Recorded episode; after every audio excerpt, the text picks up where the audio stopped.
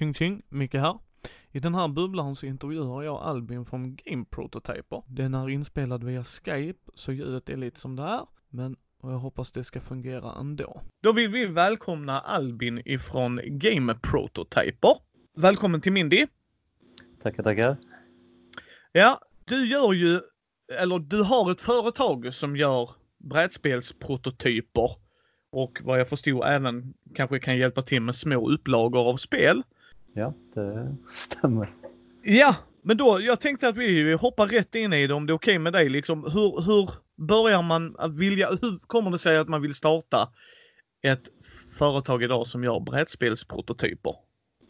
Ja, det är väl så att jag som många andra skulle göra ett spel och vill trycka upp det. Så jag började ju kontakta olika tillverkare i Kina och insåg att det krävs ganska mycket innan man eh, ska åka till Kina och beställa 10 000 spel eller 1000 spel, vad de nu tar. Och detta var redan innan min första speltest. Men eh, det var ungefär i denna vevan som jag först kom i kontakt med Board Game Geek och eh, Board Game Design Forum. Och hängde mycket i olika designforum och så sen hittade jag till Gamecrafter och även Print and Play som är mina stora förebilder ifrån USA. Då. De eh, gör ju prototyper och mindre upplagor och så. Då. Och har lite där print on demand-aktigt. Och eh, det tyckte jag var intressant koncept. Och framförallt eh, Print and Play inspirerar mig att starta något liknande företag i Sverige och Europa. Jag är ju hantverkare, jag gillar att göra saker från grunden så tänkte jag att istället för att bara göra mitt spel själv så tänkte jag varför inte hjälpa andra konstdesigners helt enkelt. Så det är väl ungefär det jag, eh, ja, så startade jag. Väldigt litet. Jag tog kontakt med två, jag kontaktade en kille ifrån Helsingborg kanske. Battle of the Meteor hade han ett spel som han gjorde.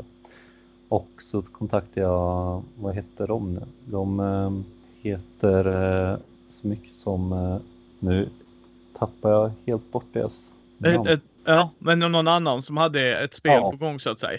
Ja, de gjorde lite eh, olika spel eh, om flyktingar och ja, arbeta med sånt. De gör, nu gör de mer digitala spel, VR-spel och sånt, men de hade lite sådana spel om den här flyktingproblematiken. Så det var mina två första kunder i princip. Då.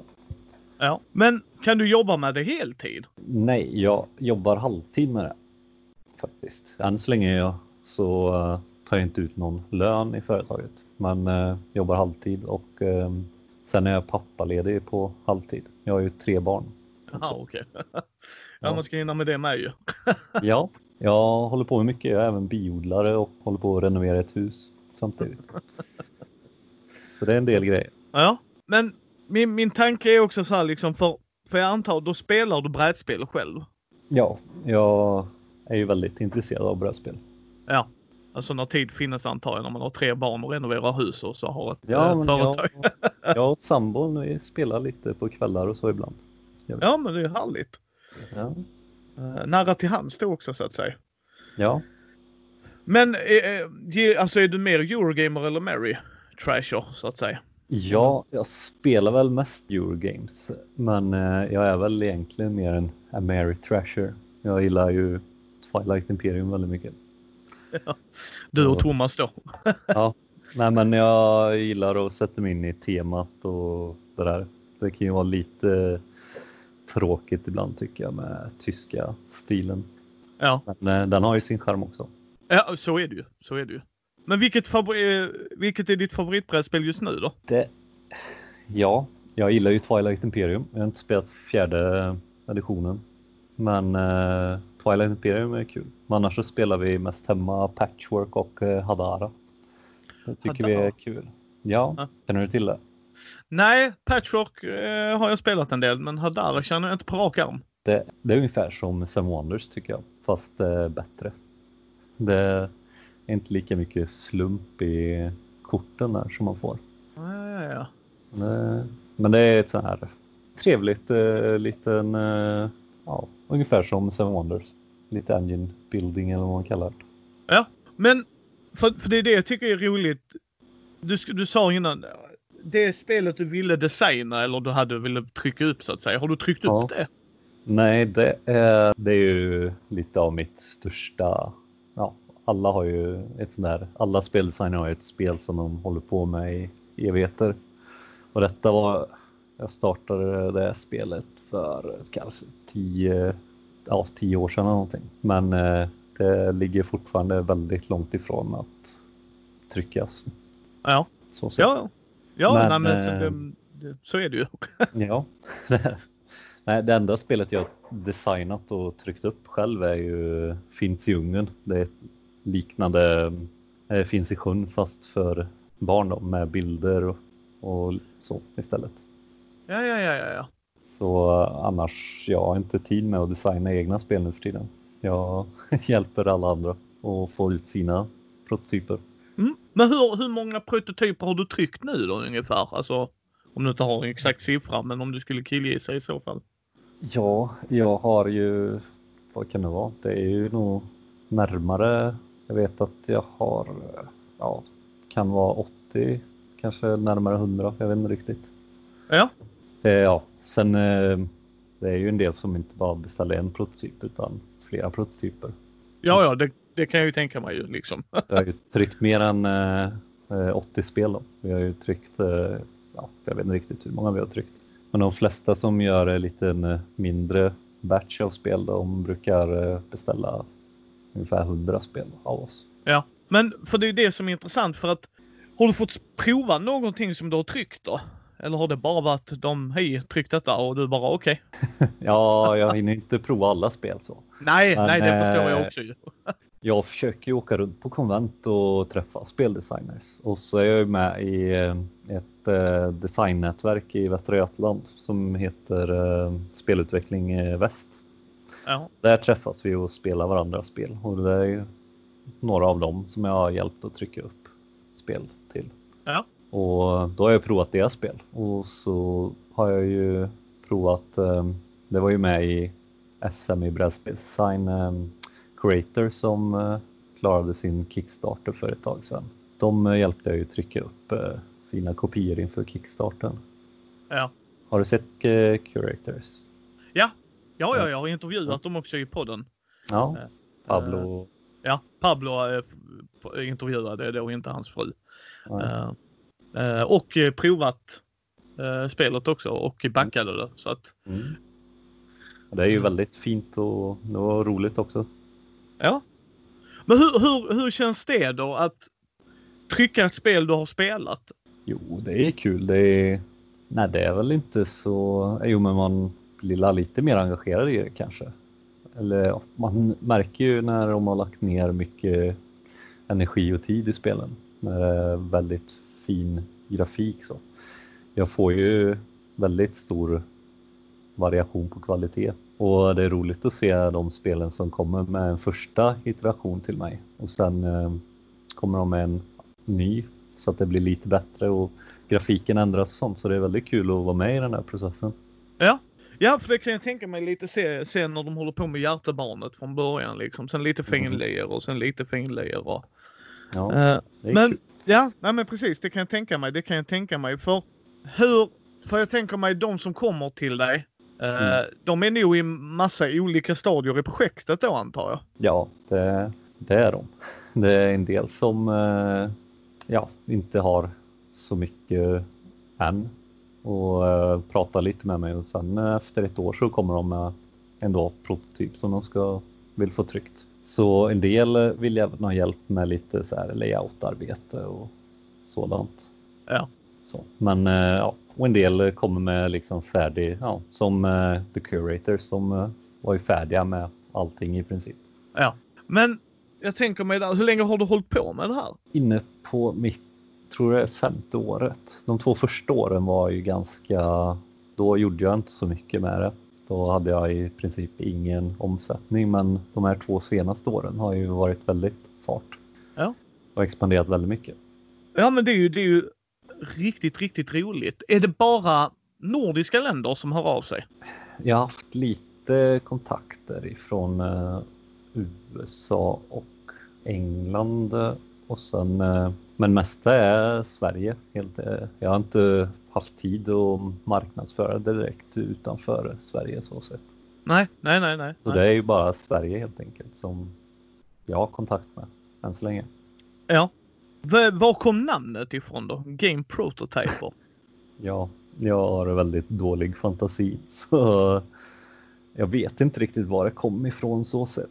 Men eh, tänkte så här, ja, spelprototyper och så vill man ha lite internationellt så att eh, engelsmän och sådant förstår också.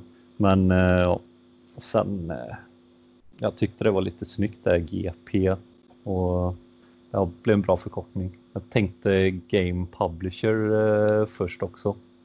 Men den hemsidan var ju tagen. Jag får fortfarande mejl om att om jag vill köpa den. Men ja, nej, sen har jag bara hållit mig fast vid Game Prototyper. Ja. Och det är kanske inte det bästa för eh, posten och sådana leveranser kommer så säger de inte Game Prototyper utan de säger Game Prototyper och det låter ju väldigt fult tycker jag. jo, men det är inte de som heller är din kund så. Nej, Nej så är det. Men det, det, är ju ett bra namn tycker jag, för att det är ju lite halvtydligt åtminstone. Alltså så fort man bara game prototype, vad gör de? Klicka in direkt. Ja, okej. Okay. Mm. det var liksom jo, jo. Det, det är sant. Det står ju vad vi gör. Sen eh, gör vi ju mer som eh, en del frågar ju om vi trycker också och det gör vi ju vi trycker ja. ju lite mindre upplagor. Men vad, vad har ni för verktyg till det då liksom? För en som inte är inne i svängen liksom. Hur, hur, hur ser din jobbyta ut så att säga? Ja, vi har ju precis, eller precis, det är ju ett halvår nu, men vi flyttade ju i vintras till en ny lokal. Innan så höll jag ju till i garaget hemma, men nu har vi en eh, lite mer anpassad lokal för det här. Och har ju handverktyg som linjaler och giljotin och kniv Annars har jag en eh, stor papperskap och hörnrundare. Det är mycket sådana här verktyg. Sen har vi en printer och en storformatskrivare. Har precis tagit in en CNC-fräs som vi, så vi kan börja göra custom med miplar och liknande. Ja, ja, ja, ja, ja. Sen har vi, ja, vi har lite allt möjligt så sett. Men mycket är ju fortfarande så här ganska mycket handarbete, hands-on på produkterna. Det kan jag, okej, okay. det, det är väldigt, det tror jag nog kanske inte många vet. Mycket, mycket intressant. Men hur, hur kommer du, jag tänker så här, jag, jag är ju inte världens mest behändiga människa. Jag kommer ju oftast på i efterhand vad jag behöver. Mm. Uh, men jag tänker mig om du gillar att arbeta med händerna och det, hur, hur har processen sett ut? Alltså visste du direkt från början vad du var intresserad av eller har du, har du kommit efterhand där du har upptäckt uh, den här tekniken är smidigare att använda och det är värt att investera i det? Jo, man utvecklar ju hela tiden eh, olika, de olika stegen och sånt. Kan, ja, man hittar på nya smidigare sätt att skära och bara hur man, eh, ja, man använder, kommer på att det här verktyget kan man använda till, till att ja, göra andra saker också liknande. Så man utvecklar stegen hela tiden och förbättrar. Så ja, det alltid en uh, process. Sådär. Mm. Men om vi, om vi pratar lite om processen också. Hur, hur brukar det? Jag förstår att det är liksom beroende från eh, liksom kund till kund, det förstår jag. Men hur mm. brukar processen se ut från start till slut? För jag gissar att det är ändå någon form av mall, så att säga. Ja, de brukar ju kontakta, ja, det finns att man kan beställa från eh, hemsidan, men de flesta brukar ju faktiskt skriva via mail då, för att de har ju många har ju lite önskemål så man får ju rätta sig efter det. Så de brukar ta kontakt via mail eller om man träffas på något konvent först. Och eh, bäst är att de liksom skickar en eh, lista på vad de vill ha för saker och storlek på sakerna. Så kan man ge ett bra pris på det liksom. Uppskatta ett bra pris på själva prototypen. Och utifrån det så skickar de in material efter eh, våra mallar eller om de har någon special så hjälper man att ta fram den mallen eller så. Och sen eh, tillverkar vi det och skickar till dem. Hur, hur lång tid brukar den processen ta? Ja, en eh, prototyp, eh, vi försöker hålla oss till eh, tre veckor men eh, Ja, ända sedan våran flytt så har det ju blivit lite körigare. Jag trodde att eh, vi skulle lyckas få i ordning den här lokalen på en månad eller någonting. Men det, vi är fortfarande inte riktigt i, i kläderna än, om man säger så. Nej, nej, men sen tänker jag mig att som, som målet är väl att det är inom de tre veckorna då antar jag. Mm, ja, och sen beror det ju på vad det är för prototyper också. Är det specialsaker som eh, det är en kille som eh, ville ha då just eh, ja, han ville ha olika träformer och det tog ju, ja, han kom, han har inte fått dem än och han beställde dem förra året. Så nu har vi lyckats ta fram en CNC-maskin som vi kan göra de här formerna äntligen. Till. Ja. Så en del saker kommer ju, kan ju ta längre tid så sett. Men standardgrejer är ju väldigt lätt och det tar ju tre veckor ungefär. Då. Ja. Eh, För, för om jag förstått det rätt så gör ni mer eller mindre allt va? Eh, ja, vi köper ju in eh, lite eh, komponenter och sånt köper vi in eh, som miplar och annat. Men eh, målet är väl i framtiden att ha en tillverkning av allt. Det skulle vara jättekul. Ja, liksom till och med brädan. Om jag förstår det rätt kan man göra hos er då eller? Ja, vi kan göra spelbräden och Ja. lådor och allting. Och sen då, precis som du sa, visionen är kanske att kunna göra allt in-house då tänker jag mig. Ja. Jo, jag är ju lite så här miljömedveten av mig och gillar närodlat och närproducerat. Så det är lite så jag tänker om det här också. Jo, men det är nog ingen dum idé. Jag menar, om ni gör 90% av allt, varför inte 100 om det går? Kan jag tänka Ja. mig också liksom. Alltså, ge en helhetsbild till kunden och veta vad man kan leverera och inte leverera. Ja, exakt. Nej, jag har ju en skog och pratat lite med sambon och lekt med tanken att det skulle vara väldigt kul att producera sitt eget virke också. Liksom. Ja, där är vi inte än riktigt om man säger så. Vi har lyckats få fram en CNC-fräs än så länge. Så vi kan Ja. fräsa lite träfigurer. Men drömmar får man lov att göra Alvin. Drömmar får man lov att göra. Men vilken, vilken del är den mest krävande i den processen liksom från kunden beställer till, alltså vilket moment brukar vara, inte tråkigt och så, utan svårast? Svårast. Ja, Ja, det är faktiskt eh, kort är det svåraste att få liksom, eh, så att det blir bra. Det är ju väldigt viktigt att eh, kunder håller sig till mallarna och eh, han pratar ju väldigt ofta om- blid och förklarar att saker inte får, får vara för nära kanterna på kort för då riskerar det att se dåligt ut. För det Ja. finns en liten felmarginal när man skär och trycker ja. och hamnar, ja, man skär ju inte alltid exakt där linjen går, maskinen och det. Utan, och då om man håller sig precis på kanten så kommer ju en del saker att skäras bort. Så det är det svåraste att få till korten så att de blir ja, fina helt enkelt.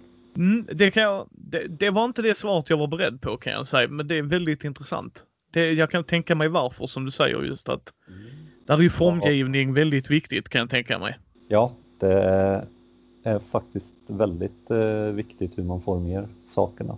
Man får tänka på, ja, som sagt, det här blid och liknande. Det går inte att bara sitta vid datorn och ha sin, eh, om man ska ha en eh, hexagon vanligtvis så det gäller att tänka hur kommer den se ut i, när den är färdig liksom.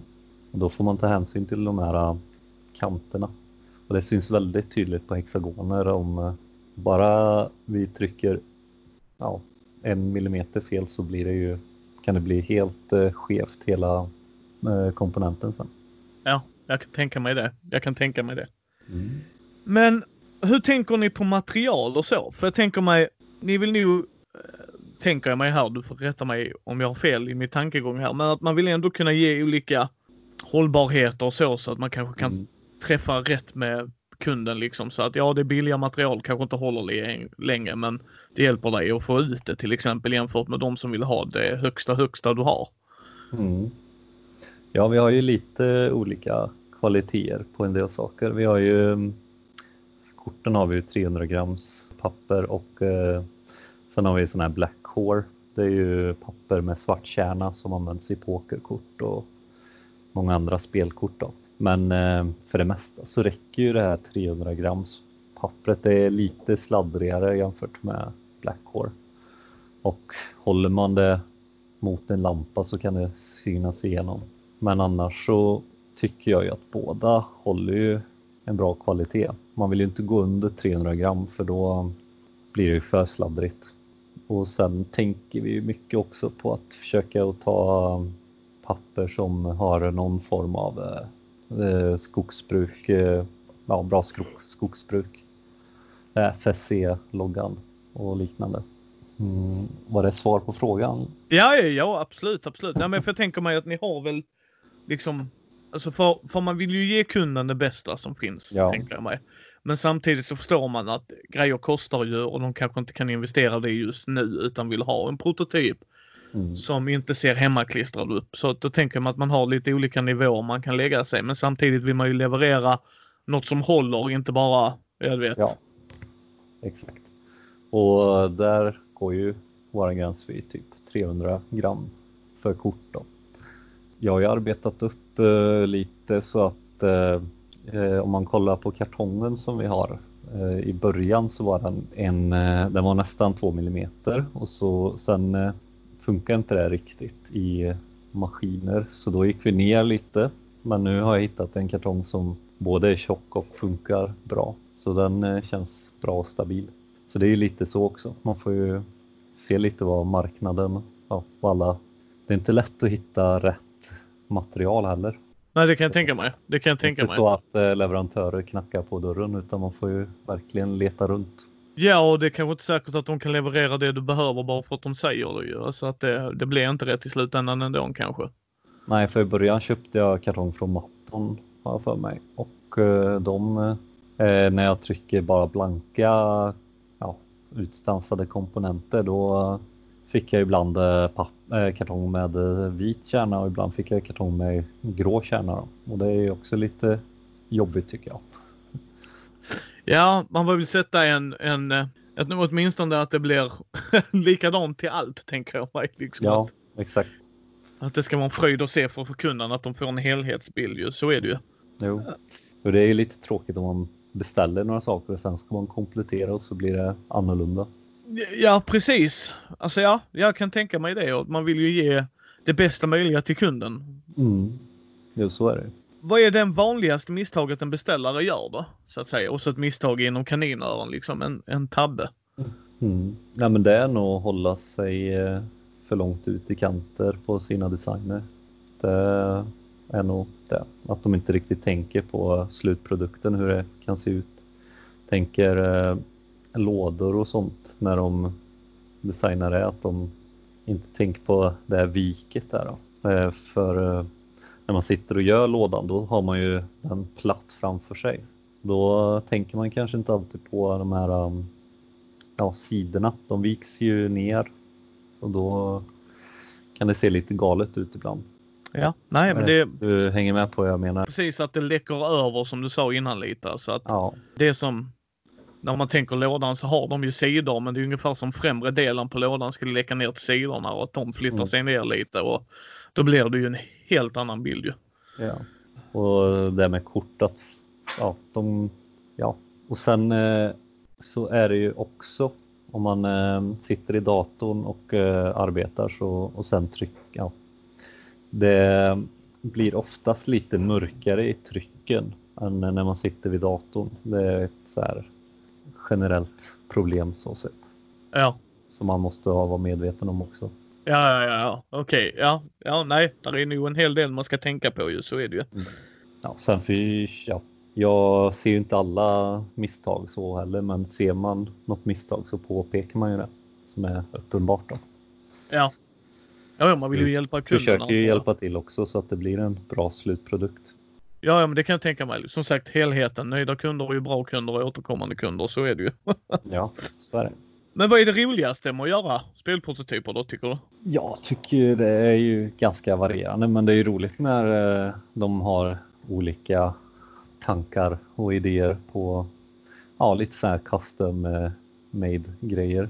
Vi gjorde ju eh, vi tryckte ju några prototyper åt det där Fantomen-spelet som också var på Kickstarter.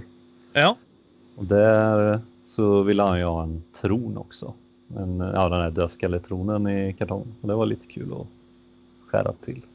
Ja, ja, ja, ja, ja. Det funkar ju som någon eh, slags eh, korthållare eller något sånt tror jag. Jag tror att korten skulle ligga där i tronen och dras från tronen. Och, Ja, det har jag för mig att det var ju precis Mm. att det var liksom en. ja, Men- så det, sen är det väldigt kul att arbeta med händerna och skära med kniv tycker jag. Det är kul.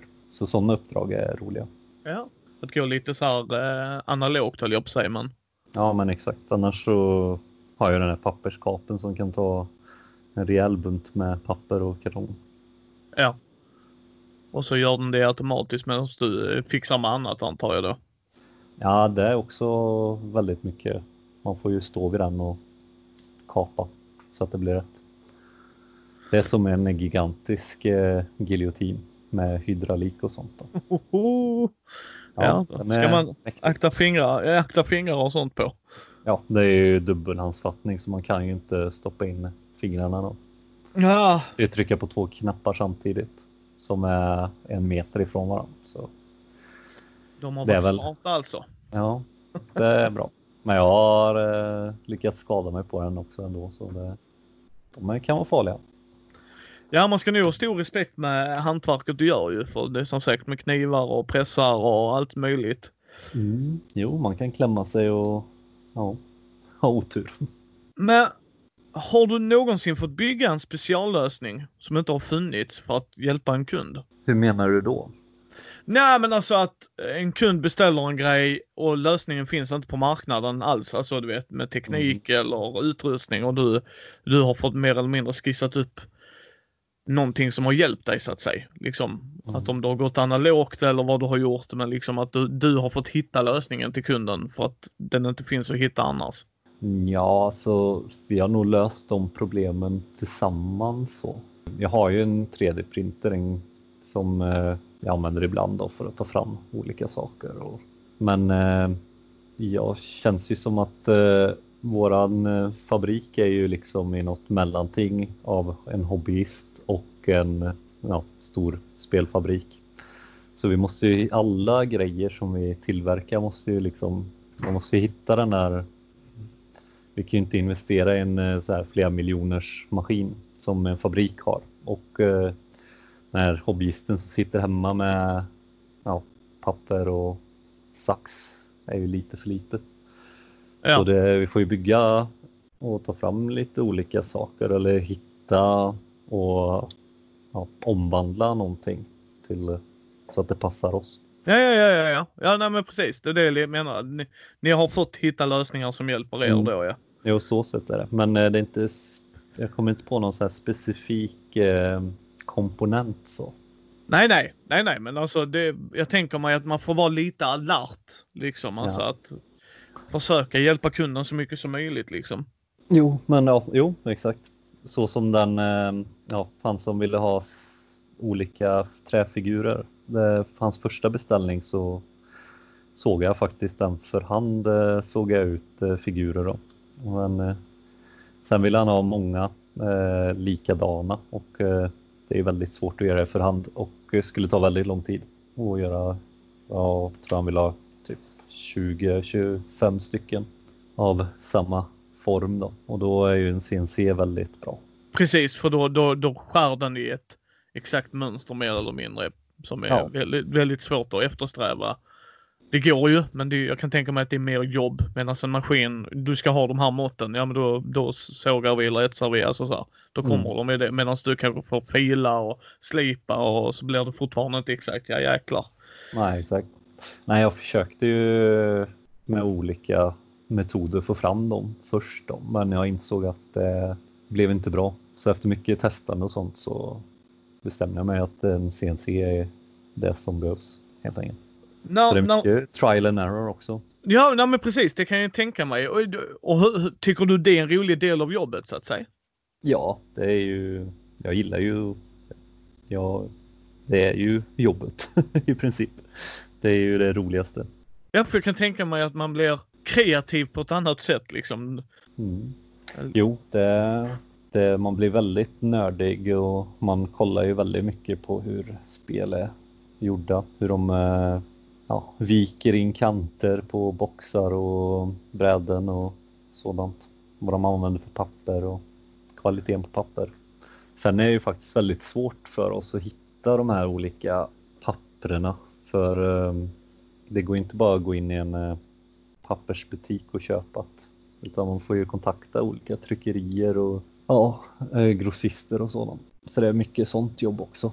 Ja men det kan jag tänka mig, ja precis. Det är lite baksidan av det. Men har du mm. yrkesskador när du sitter med ett brädspel och tycker att mm, det har blött ut eller ja, så kanske inte jag hade gjort? Ja, man kollar ju alltid hur de gör sina spel. Men eh, jag sitter nog inte och klagar så mycket på dem. Det gör jag inte. Utan det, det är mest intressant att se olika hur olika tillverkare använder olika metoder. Har, har, du blivit inspirerad någon gång? Alltså sett när du öppnat upp, hmm, den här lösningen har jag inte tänkt på, vad, intressant. Ja, alltså man gillar ju de här olika formerna och sånt eh, som många använder. Det, jag tycker, jag gillar ju stansmaskiner. Det är ju jag väldigt eh, nördig på. ja, men det är väl härligt. Ja, så det är väldigt kul att se de här olika formerna. Hur de, ja, man kan ju göra så himla mycket med en stansmaskin. Eh, man kan ju stansa vad som helst i det. I kartong och ja, det är ju väldigt kul tycker jag. Jag gillar eh, som Hadara, det, man har ju en, eh, ett bräde varje spelare där man har sin tracker på de olika resurserna och medaljer och sånt. Det är väldigt kul. Den är fin tycker jag. Ja, har du någonsin gjort en komponent som du har blivit av med? Hänger du med lite? Jag menar, du har ett spel där hemma, blir av med en vanlig komponent. Har du själv tryckt ja. upp den då? Nej, vi tappade en uh, Twilight. Det var innan uh, jag startade något företag, men vi tappade en uh, sån här Twilight. Uh, vad är det? Det är ju de här command counters. Ja, ja. Ja, de triangelformade. Ja. Där både med skeppen och... Jag, då ska jag ut en, en triangel då för att ersätta den. Vi tappade den under verandan och kunde inte få tag på den. Så det, ja. det är väl det enda, men jag har nog inte ersatt eh, någonting. Uh, nej, det har jag inte.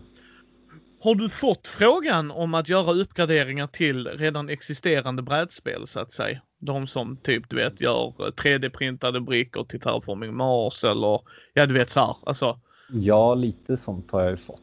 Jag har fått lite så här fan-made eh, förfrågningar och sånt. Helst vill jag ju inte göra sånt med tanke på upphovsrätt eh, problem och sånt. Men ja, så länge det liksom inte strider mot något sånt så är det okej. Okay, ja. Eh, men ja, det är en del som har frågat om att liksom trycka Magic-kort och liknande och det tycker jag är lite fult. Nej, jag tror inte ens det du får göra, men jag tänker mig att, att uppgradera 3D-brickor, det får du nog göra till Terraforming Mars. Men jag vet inte, så att... Nej, 3D, det har jag inte fått någon förfrågan om. Vi har, den 3D-printen vi har nu är ju mest för skoj, så det brukar jag inte riktigt eh, marknadsföra att vi har så sett. Det är något som vi ska arbeta med och ta fram någonting bättre. Men har du, har du nu någon någonting du skulle vilja utöka med, med företaget så att säga? Vad är nästa steg i, i Game Prototyper? Eh, vi håller på att bygga lite olika maskiner för att automatisera en del processer i arbetet. För det tar ju för lång tid att göra allt för hand. Ja. Så det håller vi på med. Men annars så jag tycker det är väldigt spännande med 3D-printers. Så en resinskrivare skulle vara väldigt och kanske användbart. Men annars så, ja, stansmaskiner, det är alltid kul tycker jag. Ja. Så det skulle vara kul att ha en riktigt bra stansmaskin. Nu har vi en rullstans som eh, det finns mer att önska av den. Så det ja. skulle vara, det är nog högst på önskelistan tror jag, en eh, riktigt fin stansmaskin. Ja, nej men det kan jag förstå. Man vill ju utveckla och göra det bättre och göra det smidigare kan jag tänka mig någonstans. Mm. Vill man landa i liksom att kunna göra det så snabbt, smidigt och enkelt som möjligt. Ja, så är det. Uh, kan jag tänka mig liksom. Men jag tänkte vi skulle bara av, avrunda här. Uh, mm. Om det är mm. okej okay med dig Albin. Bra. Uh, för jag tycker det var väldigt, väldigt roligt för att ha med dig här i podden för att där är nog mycket man inte tänker på. Det var ju därför jag ville intervjua dig. Just att saker runt om. Alltså vi, vi får ju ofta se slutprodukten. Men samtidigt så när man gör prototyper tänker jag mig att man vill ju ge det till folk för att de ska kunna få en så snarlik bild som möjligt. Ja. Och, och det är ju jätteroligt att vi har en i Sverige som gör det. Har du några konkurrenter, vet du det? Nej, inte i Sverige finns det inte direkt. Sen finns det ju lite, har ju börjat komma i Europa. Men det mesta är ju faktiskt i USA. Ja. Det är, där är ju väldigt stort det här. um, Det är lite mer indie game, ja, skaparna så. Det känns som att det är väldigt mycket USA. Det kommer till USA, äh, till eh, Europa också känns som. Det senaste. Ja. Det är kanske folk som har fått upp ögonen att det är folk som behöver hjälp. Att allting behövs inte göras offshore så att säga, liksom i andra länder om vi har möjligheten. Mm. Jo, det är, jag tycker ju att det är kul med närproducerat så sätt. Ja, det gör jag också, helt ärligt. Jag menar, ehm, liksom priser och så. Alltså, jag förstår allting kommer ju ner i pengar, så är det ju. Mm. Jag är ju inte dum, det, det, det kan jag ju också förstå. Men kan man så ska man, tycker jag personligen. Alltså att skulle jag ha ett brädspelsidé som jag skulle vilja ha en prototyp på så hade jag ju hört av mig till er ju för att Ja, det, det är snällt. Nej, men ja, prismässigt så kan vi ju inte konkurrera med Kina. Men eh, ja, Kina kan ju inte tillverka en prototyp åt dig heller så sett. Men eh, Nej, nej, precis. Så, så svårt är det ibland. Men för det är jag vet ju att man väger ju liksom ja, om man ska producera det hemma eller om man ska producera utomlands. Det, och det är ju en, som sagt en pengafråga. Och en Ja. del kan ju vara beredda att betala lite mer för att få det närmare. Och så. Sen fördelen med oss är ju att vi också, ja, jag eh, lyssnar ju på kunderna och försöker ju ta in och hjälpa dem så mycket som möjligt så att de får en bra produkt. Jag, jag kan tänka mig det och att det inte är en språkbristning. Ja, det, det slipper man ju också. Pre- Precis liksom att man kan på något sånt, man, man bondar väl på ett annat sätt tänker jag mig liksom att jag har en fråga här och du bara, du ställer nu frågan fel, kan du, är det det här du menar? Mm. Ja, men exakt. Nej, det är ju Eh, väldigt tråkigt att beställa något från Kina så de, ja, så på något sätt har man ju lyckats göra någon fel i designen och så trycker de upp tusen spel med fel design. Sen, eh, ja, jag vet inte hur ofta det förekommer, men eh, det är inte så jätteofta heller så sett. Nej, jag tror de har kommit eh, närmare den processen ändå nu så att säga. Ja, det tror jag. De börjar ju få upp lite service-minded kineserna. Men det, det är som sagt eh, props till det du gör Albin. Props till det du gör. Tack, tack. Det, ja, det är väldigt kul. Det är synd, eh, vi hade väldigt eh, stort turnéschema i år, men det blev inställt nu med corona. Eh, ja, det hade jag också. Jag tänker mig många förläggare och, och sånt hade det med ju. Men Och eh, det var det är ju ju, väldigt många event på gång, men det blev inställt allting. Nu, nu slog det faktiskt mig en fråga här som jag vill ställa innan. Ni har inte funderat på att göra sådana spelmattor och sånt? Jo, jag har funderat på allting, men eh, i dagsläget så är det väl inte någonting som vi planerar. Ja, det finns nog inte i den närmsta horisonten. Finns ju Deep Cut Studios i, ja, vart håller de hus? Det är inte Polen. Tänker om det är Tjeckien eller någonting kanske. Ja. Känner, du känner till dem eller? Ja, jag, jag vet inte var de är lokaliserade men jag känner igen företaget yes. Mm. Nej, men eh, ja, de är ju någonstans i Europa och där, de gör ju väldigt eh, bra mattor så. Det, och man kan få custom-mattor av dem. Så det känns som en, eh, jag är inte redo att konkurrera med dem känner jag. Nej, nej, jag bara tänkte liksom för vissa vill ju ha mattor istället för bräden eller ja, du vet så här. Jo, så är det. Nej, jag har en kund och vi eh, har ju funderat mycket på hans spelplan och då slog det oss att man skulle kunna ha en matta istället. Och det, ja, så vi har ju kontaktat Deep Studios och så. Ja, ja, ja, så då, då har han eh, du hjälpt till med layout och så då eller? Nej, han har fixat det också så, men vi har ju bollat lite idéer och ja, jag har haft kontakten med Deepcut och så. Då. Så det är ju väldigt kul också. Om man inte kan göra det själv så får man ju hitta någon annan som kan göra det. Liksom. Ja. Ja, men det är ju härligt. Härligt att man kan hjälpas åt också. Alltså. ehm, Ja, en sak som eh, jag inte nämnt är att vi också har workshops med eh, ja, framförallt eh, skolor. Och det är ju väldigt kul att lära ut spelet, ja, speldesign till barn. Åh, oh, härligt. Ja, det är väldigt roligt. Det har vi tillsammans med Mattias Dristi, han som har Vildhallon. Ja. Känner du till han? Ja, yes, ja. Vi har intervjuat han i podden också. Ja, men exakt. Vi har det konceptet tillsammans.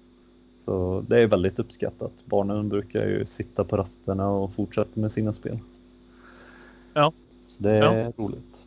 Ja men det är underbart. Mm. Och det, det, är ju roligt när man kan göra det så också och visa.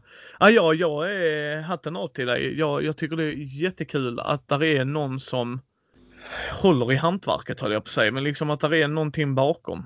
Mm. Ja men det är jättekul att vara med i, det känns som att bara de senaste åren så har ju indie-designerna har ju ökat i antal och uh, de har ju blivit mycket bättre också. Ja. Det ser man ju bara på SM i brädspelsdesign första året jämfört med ja, i år. Jag lyckades ju inte komma iväg eh, i år till SM i brädspelsdesign men uh, jag vet förra året var ju väldigt mycket högre nivå på de tävlande jämfört med första året. Ja. Det var ju väldigt kul att se att det utvecklas. Ja, men det är roligt att se att det går framåt ju. Mm. Och det hoppas vi kunna vara en del av och hjälpa till. Helt enkelt. Ja, det hoppas vi också. Det är jätteroligt som sagt, närproducerat är skoj. Ja, men det är ju roligt med poddar också. Jag vet inte om det finns, det finns det inte någon direkt eh, designpodd eh, i Sverige? Det tror jag inte och jag hade varit väldigt nyfiken på att höra en. Mm. Ja, det... du får starta en.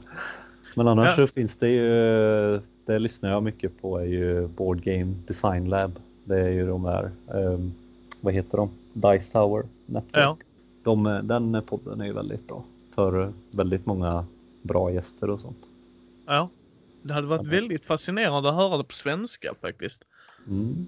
Och, och liksom mer i, i, i produktionsnivå så att säga. Inte bara, ja, alltså det är så här regelfråga utan från start till finish varför man gick igenom och valde korten och sådana grejer. Det hade varit fascinerande. Mm.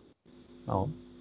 Jo, alla, allt är ju över, ja, det är, man väger ju saker från och till och ett spel kan ju, in, ja, första prototypen behöver ju inte se ut som sista prototypen. Det kan hända väldigt mycket på vägen. Ja, men det kan jag tänka mig. Det kan jag tänka mig. Mm. Men eh, då vill jag tacka dig Albin att du tog dig ja. tid att sitta här med mig en mm, eh, måndagkväll. ja, tack så jättemycket. Det var jättekul. Ja, och så hoppas vi. Jag kommer ju lägga dina länkar och allting i våra show notes så att om folk ja. är intresserade och har en idé och så, så tycker jag definitivt de ska kontakta er. Ja, det det får de göra. Det är bara att höra av sig så hjälper jag så gott jag kan. Ja.